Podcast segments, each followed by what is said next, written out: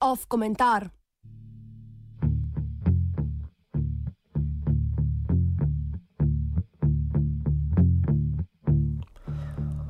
Ena najbolj znanih doktrin, ki jih je nacionalizmu uspelo vcepiti v vsakdanje razumevanje sveta, je ta, da svet sestavljajo različne nacije.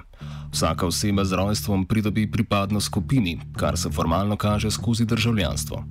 Socialne konstrukcije pripadanja nacionalnosti se reproducirajo skozi različne reprezentacije.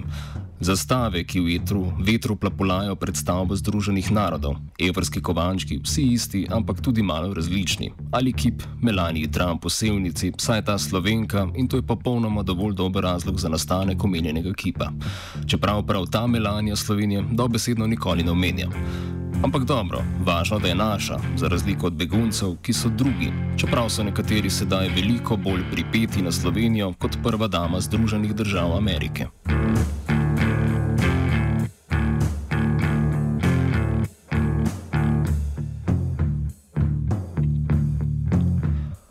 Pomankanje državljanstva, skupka pravno-formalnih dogovorov med vladajočimi in vladanimi, ki je nastajal ob simultanih silah ekskluzivnosti in inkluzivnosti, ima moč, da naredi človeško bitje ilegalno.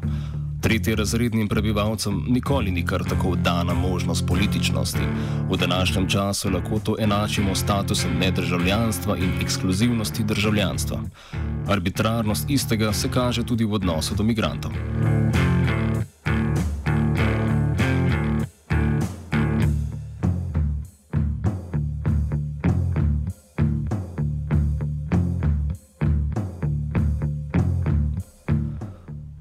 Brez trenutkov kulminacije nezadovoljstva je nemogoče misliti socialne transformacije in razumeti, kako so si subjekti prisvojili pravice. Ker so vladajoči svoje privilegije predstavljali kot naravne, večne in univerzalne, se je državljanstvo konstituiralo v skladu z željami in potrebami vladajočih. Primer Rose Parks predstavlja takšno kulminacijo. Ideja je bila podana, zakaj bi ostala za belca? Takšna dejanja, ki razbijajo obstoječo družbeno konstitucijo, so nujna za osvetlitev ideje v družbenem prostoru, vendar sama po sebi niso dovolj za družbeno transformacijo subjektov. To dejanje je navdihnilo celo vrsto dejanj, ki so sledila. Kot teoretik državljanstva Engin Isin izpostavlja, da je biti političen tisti trenutek, ko naravnost dominantnega stališča pride pod vprašaj, te se razkrije arbitrarnost dominantne ideologije. V tem času in prostoru se nam seveda zdi nedemokratično, da bi pravica volilnega glasu pripadala samo moškim, ki imajo lastnino. Vendar je bila to nekoč definicija antične demokracije, po kateri tako sentimentalno pogledujemo, kot da so naše skupne nebarbarske korenine, da smo dali antične vzorce vzorce na naše skupne bankovce.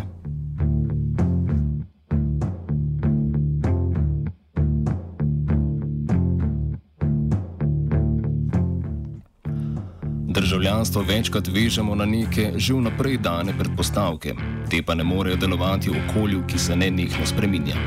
Starejši kriteriji, kot so pluralizem, volitve, nacionalna identiteta ali predstavništvo, so zastareli in nimajo zares stika z aktualno dinamiko odnosov, vsaj ne v takšni meri, kot so ga imeli nekoč.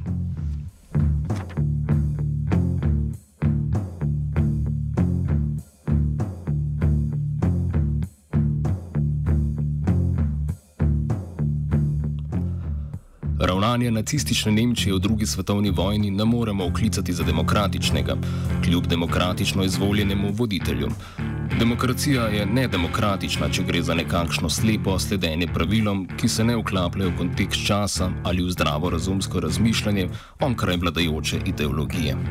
Preučevanje političnih fenomenov, kot sta demokracija in državljanstvo, mora v epistemološkem in metodološkem smislu preseči poskuse ekonomije, ki svoje pomankljivosti skriva pod tankim furnirjem znanstvenosti. Da bi lahko vzeli že najbolj vulgari z definicijo demokracije kot vladavine ljudstva, je potrebno državljanstvo, da bi lahko izvedli svoj del vladanja. Tako državljanstvo kot demokracija radi operirata s tako, s tako imenovanimi človekovimi pravicami. V teoriji in ustanovni listini Organizacije Združenih narodov naj bi bile te univerzalne.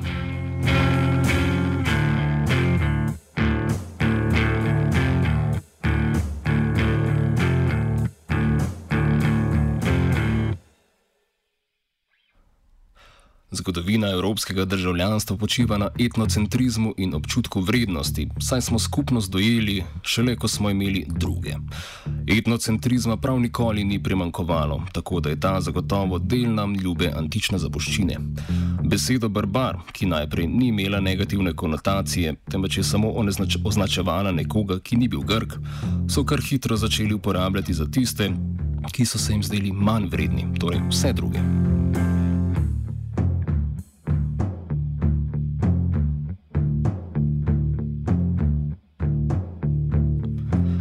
Če pogledamo politiko Evropske unije in njene prioritete ter ravnanje, lahko ugotovimo, da se do beguncev obnašamo kot da so obsojeni kriminalci. Migrante obravnavamo kot ljudi brez državljanstva. Človek brez državljanstva, pravice bivanja ali pravice dela je konstantno prisiljen v kršitev zakonov, kar je migrante v EU privedlo v absurden položaj. Ker je anomalija, za katero splošni zakoni ne skrbijo, je zanj bolje, da tudi sam postane anomalija, za katero bi bilo nujno poskrbljeno, kot je naprimer zločinec. Realnost migranta, ki ne pripada nikakršni skupnosti in je zaradi nespoštovanja človekovih pravic, ki mu jih ne more garantirati noben mednarodni organ, takrat, ko jih najbolj potrebuje, pokaže bedo brez pravnega položaja. Posledično je položaj imigrantov še slabši od položaja kriminalcev, ki jih lahko vlada zaščiti s pomočjo mednarodnih sporazumov.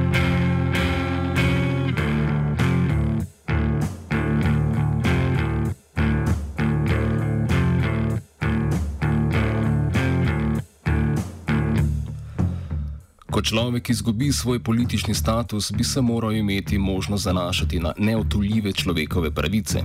Zdi pa se, da se zgodi prav nasprotno. Čeprav so imigranti oropani doma, ne morejo biti oropani temeljne pravice, kot je svoboda pojavljanja in delovanja v polju politike in javnega.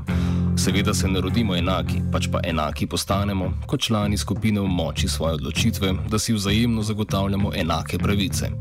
Izločenje iz politične skupnosti je arbitraren akt suverenega. Absurd pa je, da ljudje, ki so izločeni iz skupine, še niso osvobojeni nasilja in nadzora, nad katerimi ima oblast, vsaj v teoriji, monopol.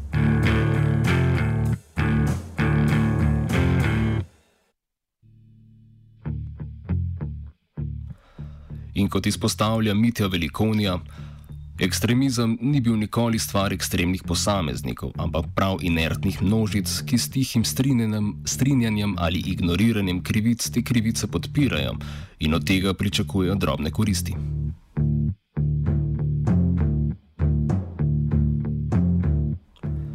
Komentirala je AKG. Off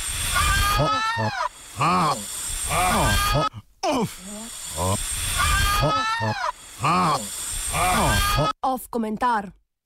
Kuki lušten ambient, ja to je radio študent.